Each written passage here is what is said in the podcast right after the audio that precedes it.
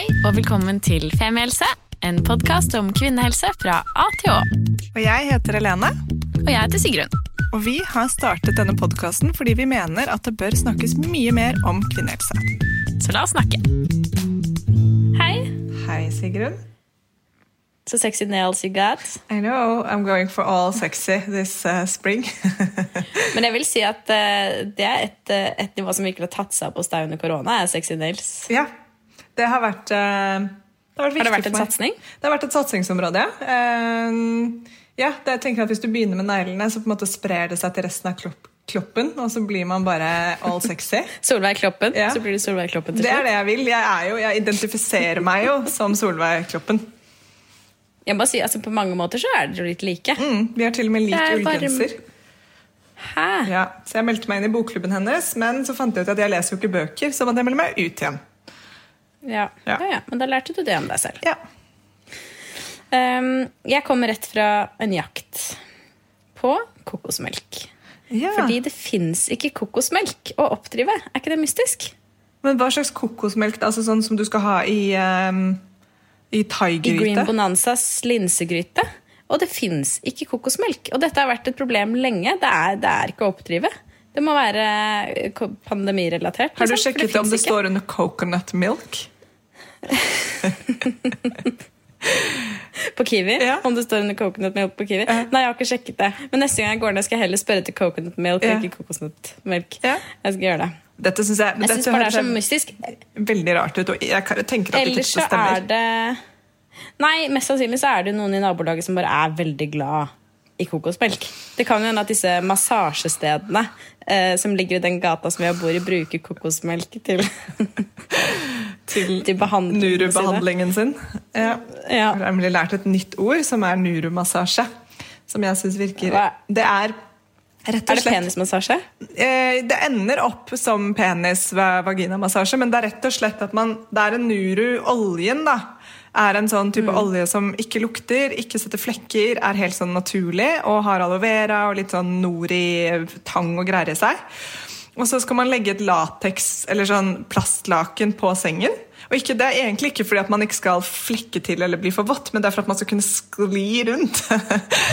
og så skal det begynne som en helt sånn vanlig massasje hvor den ene ligger og chiller, noen andre masserer, og man er bare sånn dekket av olje. Og så, Men man skal liksom bruke puppene og rumpa sånn til å massere liksom nakke og rygg og liksom virkelig sånn gni seg inntil hverandre.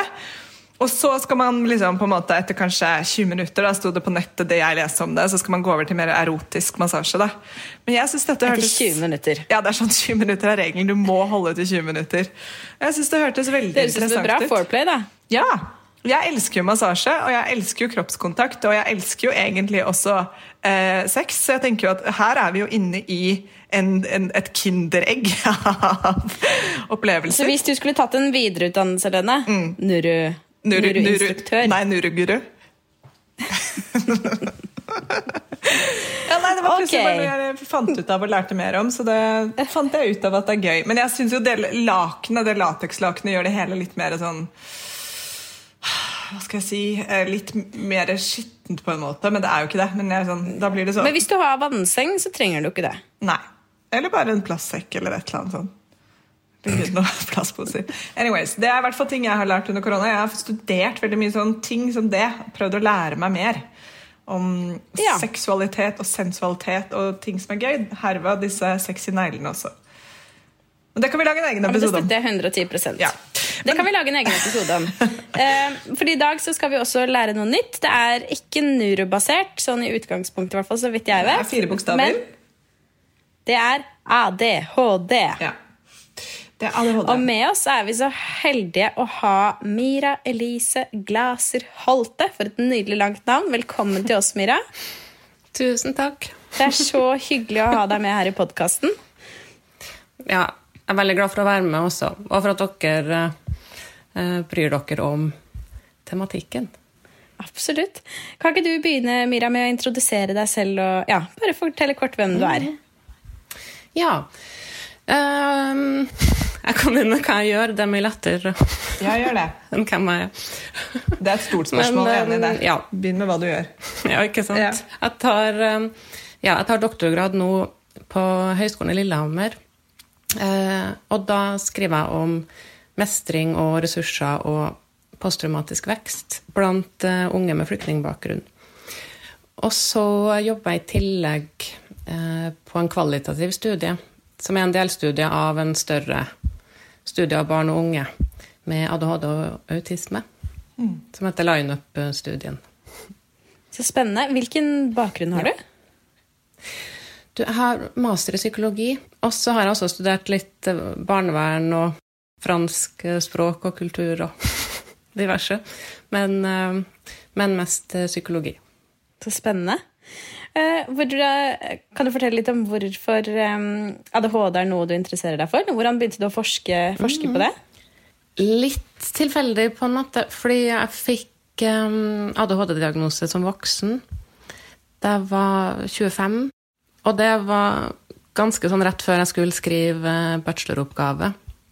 Og da øh, husker jeg at jeg søkte etter informasjon om ADHD hos kvinner, og da var det nesten ingenting. Og i hvert fall ikke på norsk.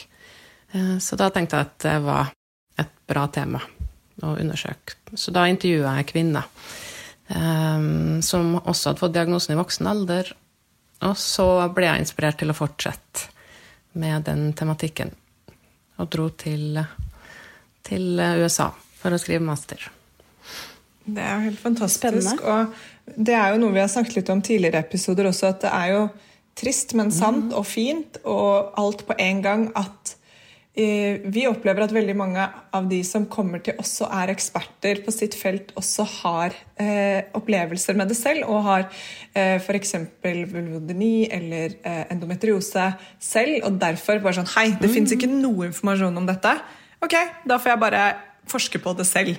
Det er jo vakkert på en måte at man finner den drivkraften og engasjementet i seg selv og tenker ok, ja, da må jeg gjøre noe med problemet. Og så er det jo, som vi syns, frustrerende at at somebody else should have done it, og gjerne av andre kjønn også. Um, men det er jo veldig veldig fint at du har, uh, har forsket på det, og, og, jeg fant jo deg tilfeldig da jeg leste en artikkel i Aftenposten om kvinner og ADHD. Og da dukket ja. ditt navn opp, og så var jeg sånn Yes! Endelig en vi kan snakke med dette om! Det er jo helt perfekt. så ja. ja. Mm. Så sånn er det jo egentlig litt. Men kanskje vi skal begynne helt på basicen, for hva er egentlig ADHD? Mm, jo, altså hvis jeg skal si det litt eh, litt forenkla, på en måte, så er det um, at det er en nevroutviklingsforstyrrelse um, som påvirker fungeringa av um, Eller fungeringa i områder av hjernen som styrer det her med motivasjon og oppmerksomhet og planlegging og atferd. Mm. Og så er det jo ikke det har ikke noe med IQ å gjøre. Og så snakker man heller ikke om det som en sykdom, men mer og mer som en, eh, en annerledes måte å fungere på. Ikke sant. Så, det er veldig interessant, ja. fordi det er jo nettopp um, Vi har jo snakket litt sammen før, bare på telefonen og sånn, og da snakket vi jo litt om dette stigmaet med at Um, før så kalte man det jo MBD, som jeg, i hvert fall da jeg gikk på ungdomsskolen og videregående, så var det jo så MBD, minimal min, Nei, jo, minimal brain disorder. Jo, minimal brain mm. Dysfunction. Dysfunction ikke sant? Og som bare høres innmari brutalt ut. Det høres ut som man har en liten hjerneskade. Mens den nyere forskningen viser jo liksom mer at det, men det er ikke, det er ikke noe teknisk sett noe galt, det bare er en annen måte det fungerer på. Og at Ja. ja. Blir det riktig å si det sånn? Jo, absolutt. Mm. Og at uh, selv om altså Eller man vet ikke akkurat hva som forårsaker ADHD, men man vet jo at det veldig, har veldig mye med gener mm. og arvbarhet å gjøre. Um, men selvfølgelig så påvirkes det jo også av hvilke krav som blir stilt til oss liksom, fra samfunnet rundt. Og også dere, hvordan man snakker om diagnosen. Så når det er mye problemfokus, f.eks., så, um, så gir jo det naturlig nok eh, negative assosiasjoner til til den diagnosen. Da. Mm. Men hvordan er det? Fordi det er tre undertyper. Eh, hyperaktivitet, mm. impulsivitet og uoppmerksomhet. Hvordan arter det seg? Mm. Altså For det første så er, ja, det er jo nettopp det. Det her er undertypene. Og så er det jo det at man snakker om kjernesymptomer. Eh, som uoppmerksomhet og hyperaktivitet og impulsivitet. Og det igjen forklares jo av denne fungeringa i særlig i belønningssenteret i hjernen og det som heter eksekutive funksjoner, eller selvreguleringsvansker. At det også går utover eh, evnen til å fokusere og styre atferd. Og for eksempel så er det jo sånn at du har evnen til å fokusere selv om du har ADHD, men du sliter med å regulere hva du skal fokusere på. Og må gjerne være ekstra interessert i et tema for å, for å få ordentlig fokus.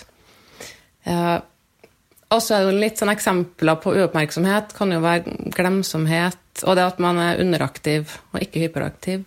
Og dagdrømmer og grubler mye. Eh, og er ubesluttsom og sliter med å disponere tid. Mm. Um, og hyperaktivitet og impulsivitet kan jo være eh, på innsida, sånn at du er rastløs og har mye indre uro. Eh, og fikler. Og også at du er hyperpratsom og avbryte andre, og også kan ta valg som ikke er så veldig gjennomtenkt, da. Mm. Altså, det er veldig mange ulike elementer, da. Eller altså ja. Mange måter å ha ADHD på, høres det ut som. Ja, det er akkurat det. Og så har det også veldig mye med det her Eller altså følelsesregulering og motivasjonsvansker er jo også en veldig stor del av ADHD som det kanskje ikke hvert fall har vært eh, så mye fokus på. Men blant alle de tingene som du nevner nå, er det noen klare forskjeller mellom eh, hva eh, kvinner opplever oftere enn menn, f.eks., og motsatt? Altså, det er oftere at kvinner har denne uoppmerksomme typen ADHD. Og så er det også oftere at i hvert fall gutter eh, har sånn ytre former for hyperaktivitet og impulsivitet. Og liksom at, de, at det virker mer forstyrrende for omgivelsene, og at de derfor også lettere blir henvist til, uh, til utredning. Så det er jo egentlig hovedproblemet, eller hovedforskjellen, er jo det at jenter ikke blir fanga opp. Og at veldig mange da ender opp med å få diagnosen som voksen, eller aldri. Mm. Ikke sant, fordi, Nettopp fordi man ikke utagerer så mye, men kanskje da heller si det, liksom sliter mer i det stille ikke sant? og kan kanskje ha problemer på skolen. og sånn, Fordi mm. det å okay, forstå at nå skal jeg fokusere på å skrive ferdig den oppgaven, kan være vanskeligere. Eh, hvis man ikke får tilrettelagt liksom, ro og struktur rundt seg. Blir det riktig? Ja, og, og, veldig mye det med struktur og liksom litt sånn klare rammer og retningslinjer mm. for hvordan man uh, kan gjøre ting. Jeg kan jo gi noen eksempler fra, fra min egen eh, barndom. Mm. Mm. Eller det første var jo det her med sein diagnose, fordi um, Ja, det het jo en ting med at det het MBD mm. da jeg var liten, men det var også Da tenkte man ikke at jenter hadde ADHD. Så Altså, jeg husker særlig mamma. Hun snakka om at hun tenkte på det veldig tidlig, fordi jeg var veldig hyperaktiv og veldig, hadde veldig mye temperament. På godt og vondt. Mm. um, men det var jo liksom ikke noe uh, Ja, ADHD var ikke en ting for jenter. Og så var jeg også flink på skolen og uh, eh, jobba veldig mye. Og det det er også en ting som har gjort at, en, at man har tenkt at, uh, at, folk ikke har ADHD, eller at ADHD betyr at man gjør det dårlig på, på skole eller studie eller jobb, og sånn er det jo ikke nødvendigvis. Men det var jo litt sånn Jeg sleit jo, og det sliter jeg fortsatt med i dag, det her med avgrensning av oppgaver, f.eks. Og jeg husker at vi skulle skrive én side om jødedommen da på ungdomsskolen. Og det var jo min Jeg var sånn ekstremt interessert i jødedommen, så jeg skrev 40 eh, sider. Og med illustrasjoner og bilder. Oh, wow. Veldig voldsomt. Og, og, da husker jeg at læreren eh, at jeg hadde sånn elevsamtale. Så jeg husker jo ikke nøyaktig innholdet, men det var jo litt sånn at du kan ikke skrive 40 sider når du skal skrive én side. Men jeg vet ikke om noen kobla det til noe problematisk, da. Og så er det jo sosiale relasjoner at jeg i hvert fall var veldig direkte og veldig, også veldig følsom, og så sa jeg veldig tydelig eh, det jeg mente, og det er jo ikke alltid, alltid så populært. I hvert fall ikke i barne- og ungdomsskolealder. Mm. Um, så ja. Men nå snakker jeg meg litt bort. Nei, altså, Det var jo gode eksempler på hvordan det kan arte seg uten at det nødvendigvis settes sammen med en klar diagnose. fordi dette her er jo dessverre Mm. sånne ting jeg føler at eh, Jeg husker flere i min klasse som når du forteller om dette fra, fra barneskolen, Mm. som faller på plass. da. Ikke sant, den derre og, og, og hvor, hvor i hvert fall liksom det å gå på barneskolen eh, på 90-tallet eh, Da var det jo ikke så mye rom for Vent litt, denne personen her eller dette barnet her trenger jo eh, noen klare rammer og hjelp. Da var det ofte sånn ut på gangen eller skjerp deg eller hvorfor har du skrevet det? Og dette handlet jo selvfølgelig om fra lærer til lærer, men det er veldig fine eksempler, det det du gir her, på, og at det sikkert, som du forklarer det også, må ha vært vanskeligere som jente å få. fordi de der bråkete gutta, de fikk liksom, liksom De måtte ut og spille fotball, og de fikk kanskje liksom lov til å rase litt fra seg. og fikk liksom kanskje tilpasset litt, men jeg kan tenke meg at uten at jeg kan sette meg inn i det, at det må ha vært annerledes for jenter som Ja. Ja. Og så er det jo litt som jeg nevnte i stad, så det, det virker jo så veldig sammensatt. Så hver av disse tingene, hvis man ikke ser det som en helhet, kan vel også sikkert bortforklares på en eller annen måte. I hvert fall hvis det ikke er snakk om Ja. så veldig utag altså at det ikke er så utagerende. Det, det virker kanskje ikke så stort da, når man opplever kanskje som lærer én ting, men så ser man ikke hvordan det er hjemme eller eh, i sosiale settinger. Så kanskje eh, hvis vi kan gå over, hvis du kan fortelle litt om diagnostiseringen, at det kan være en fin ro bro over dit. For hva er det som skal til for at eh, for at man sier at noen har ADHD, og hvordan foregår et sånt diagnostiseringsløp? Ja, det kan jeg si. Også, jeg kan si en liten ting om nettopp det her at veldig mange utvikler jo tilleggsvansker ja. liksom, fra tidlig alder av, som både blir et hovedfokus, og som, eh, som på en måte maskerer den ADHD-en som ligger under. Og så får man kanskje hjelp til tilleggsvanskene, mens ADHD-en forblir uh, uoppdaga. Hva, hva er disse tilleggsvanskene, da? Det er altså i hovedsak eh, Eller mest vanlig er jo sånn angst og depresjon og eh, søvnvansker og spiseforstyrrelser. Og tvangslidelser og også rusrelaterte lidelser. Ja, nå snakker jeg om voksen alder. Um, og også fysisk, altså kroniske smerter og utmattelse. Eh, og redusert livskvalitet er veldig vanlig. Det er store og alvorlige tilleggsplager, da. Ja, og altså også um, selvmordstanker og selvmordsforsøk er det veldig stor forekomst av. Spesielt blant kvinner med ADHD. Så um, Og det henger jo veldig sammen med sein diagnose og sein uh, hjelp.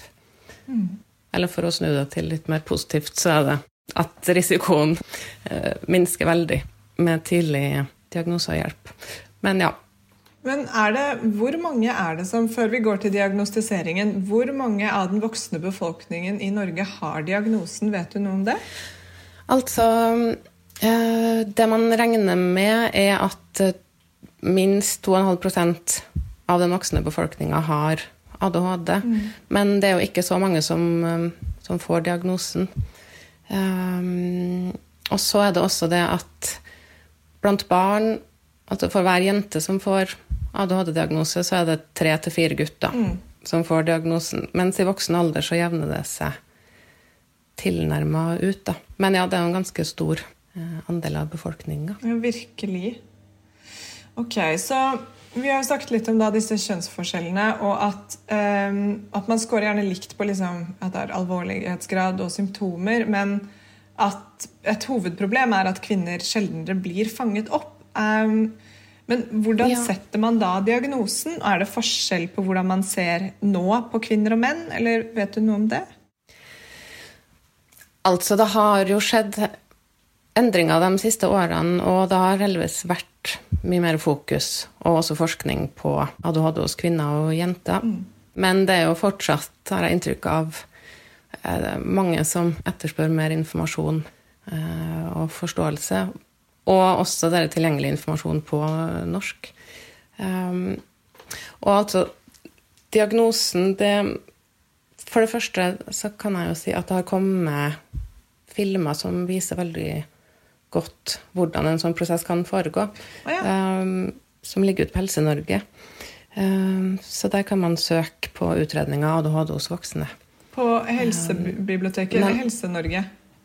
Eller Helsebiblioteket. Ja. Helsebiblioteket Ok, dot gøy. Det skal vi selvfølgelig dele når vi slipper denne episoden. Så kan dere som hører på nå, uh, bare gå inn på Helsebiblioteket og søke på ADHD-utredning av voksne. Eller uh, gå inn på Facebook-siden vår hvor vi får delt det.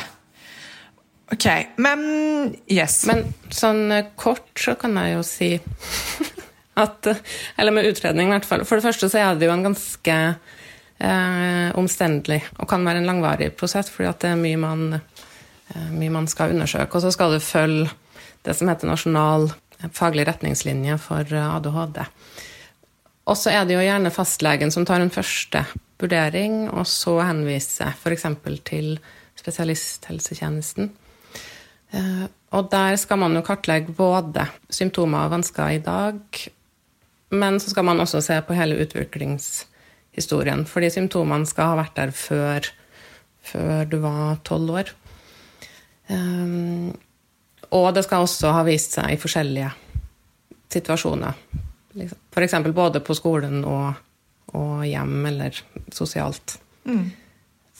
Og um, altså i den grad det er mulig til voksne, så, så prøver man å, å få tak i opplysninger eller beskrivelser fra foreldre eller skole.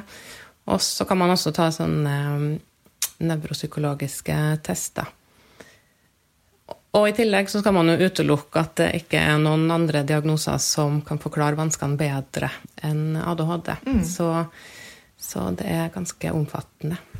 Hvor lang tid tar det gjennomsnittlig å få en diagnose? Vet du det?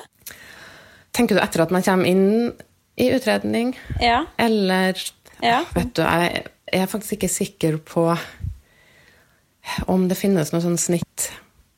Eh, det altså Nei. Det som jeg har hørt flere si, er jo det at de kanskje må gå flere eh, runder. Ja. Og at det ikke alltid er så enkelt å bli henvist. Da. Ikke sant? Og hvis man eh, får denne diagnosen, krever det noen form for behandling? Så det er veldig individuelt, fordi nettopp det er veldig forskjellig hvor eh, store problemer man har. Men eh, det som mange opplever, er jo at det å bare få en diagnose i seg sjøl er til hjelp, fordi det er en annen forklaring. Eller det er en forklaring på problemer og vansker enn en annen. Enn at man er dum eller lat eller eh, jeg vet ikke, har personlighetsmangler. Um, og så gir det jo selvfølgelig tilgang på, på behandling og tilrettelegging. Og da er jo Det vanligste er vel en kombinasjon av det som heter psykoedukasjon og medisin. Og psykoedukasjon handler jo om å, å få liksom opplæring i hva ADHD er, og hvordan det påvirker hverdagen. Uh, ja, den type ting. Og medisin, da er det jo mest eh, sentralstimulerende medisiner som brukes. Og det er veldig mange som har god effekt av det på de her kjernesymptomene. Um, og så må man jo selvfølgelig lære seg nye vansker og Nei, ikke nye vansker, men nye vaner. Og rutiner. Jeg lærer meg nye vansker hver dag, jeg. Det er jeg veldig god på. Null problem. Ny, ny dag, ny vanske, pleier jeg å si. Det er bra. ok. Og nye vaner. Og da er det sånn at liksom, Kan det hjelpe med trening? Kan man liksom prøve å meditere? Er det liksom den veien? Det er jo for mange noe som er bra. Eh, trening og også meditasjon og kognitiv atferdsterapi. Eh, eller gruppetilbud, altså for mestring av, av hverdag og forhold. Men også helt sånne konkrete ting som å lære seg eh, tidsstyring og eh, rutiner for liksom, å sette i gang med oppgaver. Dele opp i mindre deler, f.eks. Eh, og så tenker jeg at en vel, Eller det tenker ikke bare jeg, det tenker mange. Um, at det her med selvaksept og sosial aksept er en veldig viktig del av behandlinga også. Istedenfor å tenke at man skal prøve å bli som alle andre, at man heller jobber for å akseptere uh, den man er. Det høres jo veldig enkelt og greit ut. Men selvfølelse er jo noe som ofte blir ganske svekka, og som må bygges opp. Ikke sant? Altså, vi snakket jo litt om det i stad, dette med at uh, før så tenkte man Eller det er jo ikke så lenge siden man nesten ikke tenkte på at jenter kunne få ADHD i det hele tatt. Tror du det har ført til at, uh, at det kan være vanskeligere uh, for kvinner å, å, få diagnosen i dag? Eller at det er noen som kan, kan kjenne på det? Ja. Ja. det tror jeg. Og jeg tror jo fortsatt at omgivelsene også sjeldnere tenker. Og Sorry. Det som skjedde nå, var at jeg plutselig får en stor blomsterbukett på døra. Fra, jeg aner ikke fra Oi. hvem. Det er sikkert noe med disse sexy neglene. Tror dere ikke det? Så, jo, jeg tror det er 100 Det her er jo gleden og sorgen av å spille inn podkastepisode hjemme, er at ting kan skje, da. Så okay, Men vet du hva? Før vi men da tenker jeg, Helene, vi sparer Vi skal ha med oppakningen i slutten av episoden for å se hvem yes, det er fra. Det skal vi absolutt gjøre. Ja. Ok, tilbake til ADHD og problemer med konsentrasjon og ting som skjer. Dette var jo helt nydelig. Ok. Distrahering. Okay. Sorry. Yes. Ja. ja. så bra. Det er kjempebra. Nei, fordi Mira, vi var jo på dette med, eh, med hvordan, eh, hvordan, det er for kvinner å få diagnosen. Ja. Mm. Mm. Ja, og det her med um, Og hvorvidt om, du føler at det er, uh, henger igjen stigma med tanke på at det har vært mm. uh, ja, Det er lenge man ikke har tenkt da, at, at, kvinner har ADHD. Jo. Mm, ja. Og at nettopp den, at det sitter nok lenger inn for en del å tenke det fortsatt. Til tross for at det har skjedd endringer. Og at det veldig lett blir at mange uh, tenker sjøl at det bare handler om at de ikke prøver hardt nok Eh, eller ikke er flink nok, bare ikke klarer det som andre klarer. Ikke sant? Eh, og så er det jo også det her at vanskene med, eller ved ADHD er jo til en viss grad noe som alle kan oppleve mm. innimellom. Selv om et kriterium for ADHD og en realitet med ADHD er jo at det er i veldig um, Hva skal man si I mye større grad enn det som er liksom normal. At man blir litt ufokusert eller umotivert eller glemmer ting innimellom. Men det er jo liksom den det at man alminneliggjør vansker, bidrar jo også til at folk føler at de ikke blir tatt på alvor. Og kanskje igjen da tenker at, at det også bare er noe med dem og deres eh, innsats. Ikke sant? Vet du om eh, Har hormoner noe å si? Inni, eller har det noen påvirkning på ADHD-diagnosen? Det har Altså, det kan ha, eh, ha innvirkning på, på, symptomene. Og igjen, det er jo en ting med, med jenter at man ser jo ofte at symptomene og vanskene blir større mm. i forbindelse med puberteten. Og så er det noen som opplever, når de er gravid f.eks., at, um, at symptomene blir bedre. Uh, mens andre opplever at før mensen og i forbindelse med overgangsalder så blir symptomene verre mm. igjen. Så det har en sammenheng, men det trengs mer forskning og ikke minst mer bevissthet omkring det her. Men man, man, vet jo at østrogen og progesteron henger sammen med fungeringa eh, av dopamin og noradrenalin i de samme områdene av hjernen som er påvirka av ADHD. Mm. Så, og det kan jo være sånne enkle ting som bare å ha f.eks. en sånn kalender på telefonen hvor du følger med på syklus. Det kan jo gi litt forutsigbarhet. Og for noen så hjelper det å, å endre på medisindose f.eks. under PMS. da. Ikke sant. Og så er det jo kanskje litt sånn det er for oss alle at bare det å vite at det skjer Og, jo, men å klare å, måtte, å se en sammenheng da, mellom syklus og Ja. hvordan man har det, er eh, Ja. en enorm, eller kan være en enorm lettelse, syns i hvert fall jeg. Å bare kunne se sånn Å ja, ok, det er derfor. Og så er det ikke alltid det er, ja. det er derfor, kanskje, men eh, allikevel, de få gangene det faktisk stemmer, så er det en veldig lettelse. Ja, ja, helt klart. Ja. Men er det noen positive sider ved å ha, det, ved å ha ADHD, Myra? Ja, det er det. Og ja, forresten, jeg kom på Eller jeg fant nettopp en bok, eh, også på engelsk, da. Eh, men eh, som for det første Den er skrevet av to, to kvinner som har ADHD sjøl. Og, eh, og hun ene er jo eh, kan man si? En sånn pioner eh, innen eh, både behandling og, og foredrag og bevisstgjøring omkring ADHD og kvinner. Og hun, hun andre er, er annet psykolog, og de er veldig opptatt av det her med, med litt sånn empowerment og det å jobbe med skamfølelse og, um, og selvaksept og den type ting. Dere kan kanskje legge ut lenke til den boka, da, men, um, men den heter i hvert fall A Radical Guide for Women with ADHD. Åh, elsker Så fint. Og så har han en undertittel. Ja. Ja. Ja.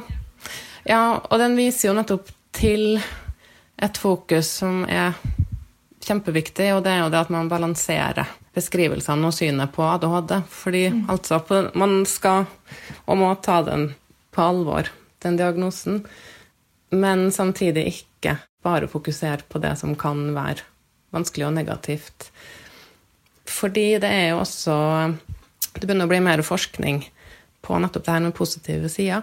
Så det er ikke bare sånn trøste, trøsteliste.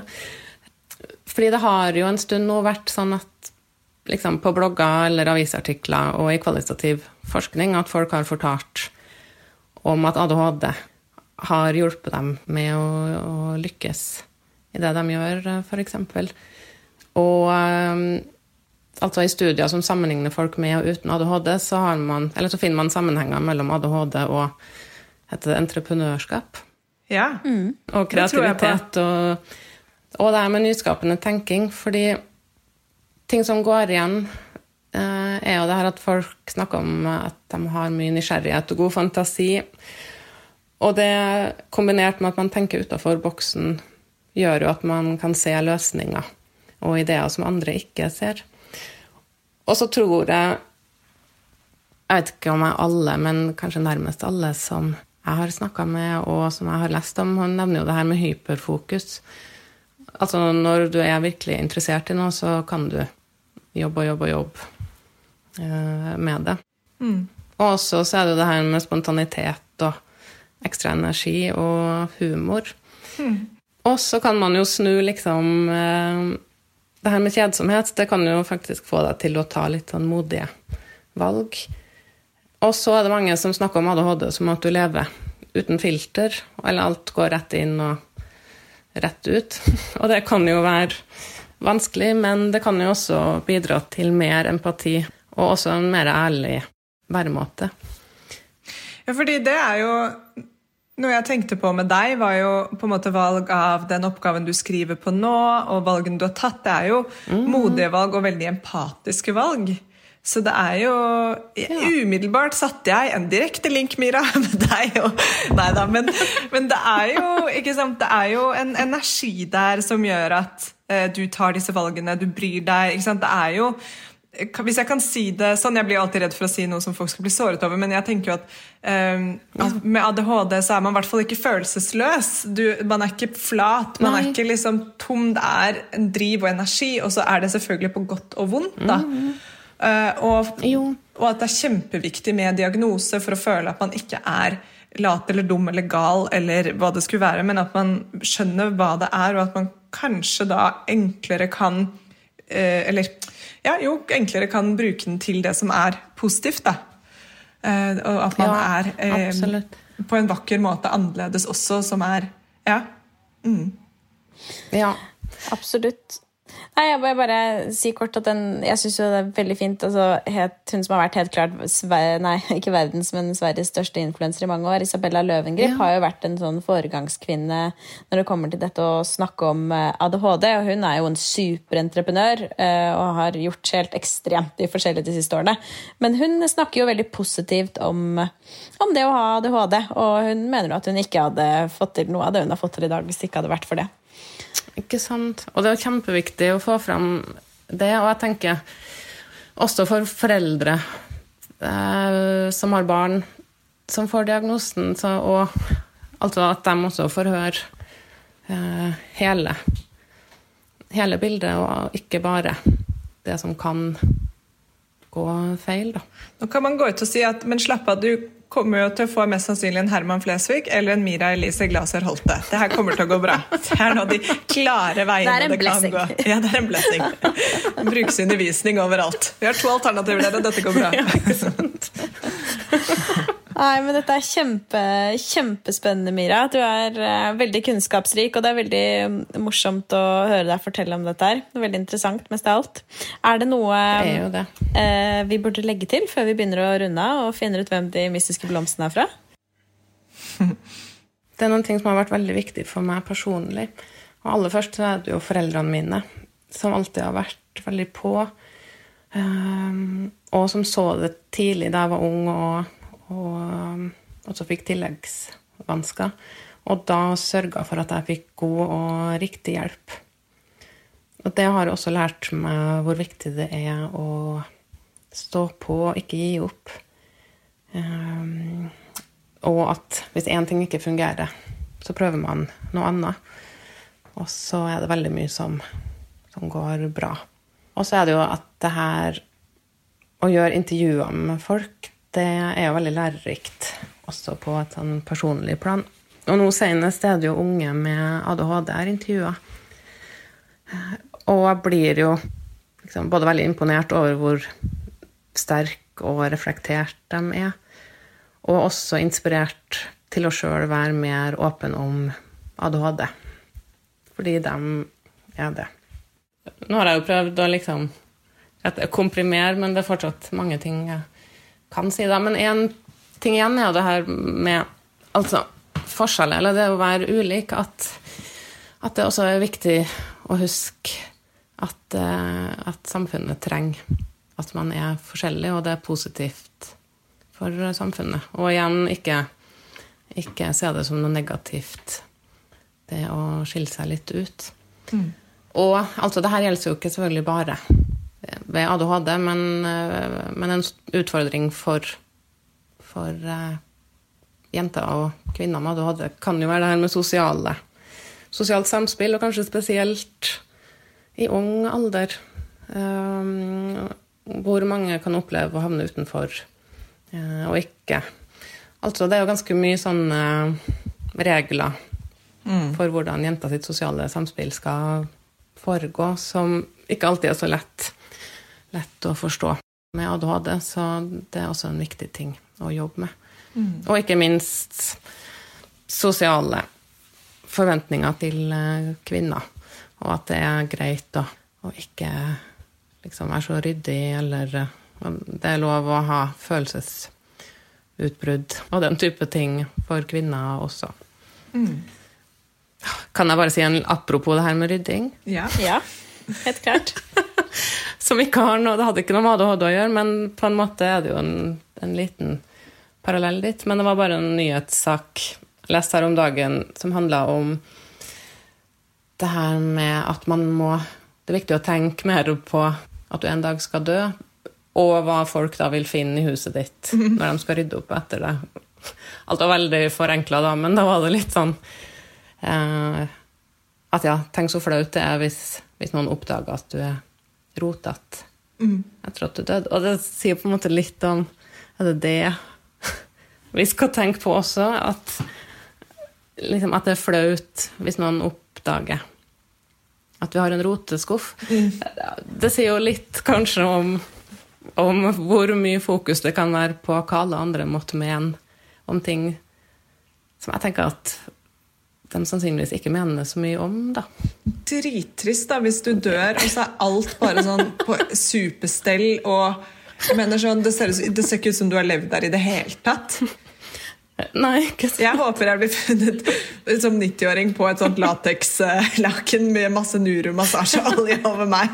Og jeg har ikke satt inn i oppvaskmaskinen og ikke hengt opp vasken. Det er en That's how I'm gonna go. Eller det.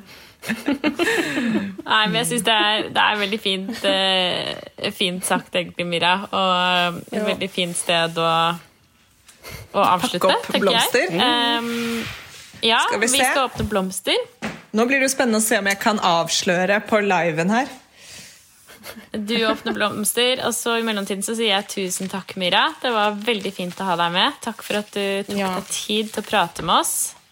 Ja, selvfølgelig. Og tusen takk uh, sjøl. Så nå Helene pakker opp her. Wow, stor papirinnpakket. Hva er det for noe? Flere ting? Det er flere ting. Å, wow. Skal vi se. Store ting. Hva er det for noe? Hva var det første du tok ut? Det første jeg tok ut, er en sånn avlang eh, pakke. Eh, brun pakke. Hva Ja. er det her for noe? Husk at de beste bildene er på radio, Helene. De beste bildene er på radio. Dette her er filtersjokolader. Nam! Og så er det noen helt fantastiske eh, tulipaner som er helt sinnssykt fine. Nå skal jeg lese. Å, dette her er så koselig! Det, er, det står på kortet Vel gjennomført, glad i deg. Klem Thea, Thomas, Fredrik og Tanja. Og det er da fordi jeg løp halvmaraton på lørdag. Og da har min gode venninne Tanja med familie sendt blomster og sjokolade.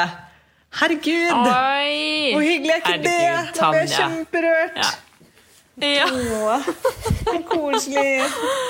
Ja, det var sykt hyggelig. Altså, En spontan blomsterbukett er noe av det hyggeligste man kan få. Kjempekoselig, og litt skuffet selvfølgelig for at ikke dette var et sånn eh, blomster Fra- på vegne av fra de Mr. sexy. Nuru? Ja, fra Mr. Nuru. Men eh, da har jeg jo ikke møtt han enda. Jeg vet ikke hvem det skulle vært. Men det er jo alltid sånn lite håp hver gang man får blomster at det skal være fra noen sånn wow. Men dette her var bare megakoselig. da fra, Fordi det dere ikke vet, er at Thea hun er faktisk mitt fadderbarn, og så er det lillebroren Thomas, og så er det Fredrik som er gift med Tanja. Så dette her er fra en veldig vakker gjeng. Og det var hyggelig. Da fikk vi rundet av denne episoden med at jeg både fikk blomster og fikk sagt at jeg løpte halvmaraton i påsken. Så det var viktig for meg. Gratulerer med det, Lene. Tusen takk. Tusen takk. Tusen takk, Mira, for at du tok deg tid til å snakke med oss. Eh, vi skal dele det vi har av eh, linker og alt mulig. Og så håper vi at dere som hørte på, lærte litt mer om ADHD i dag, og kanskje kan grave litt videre selv. Absolutt. Takk for at dere hørte på. Vi snakkes igjen neste uke. Det gjør vi. Ha det.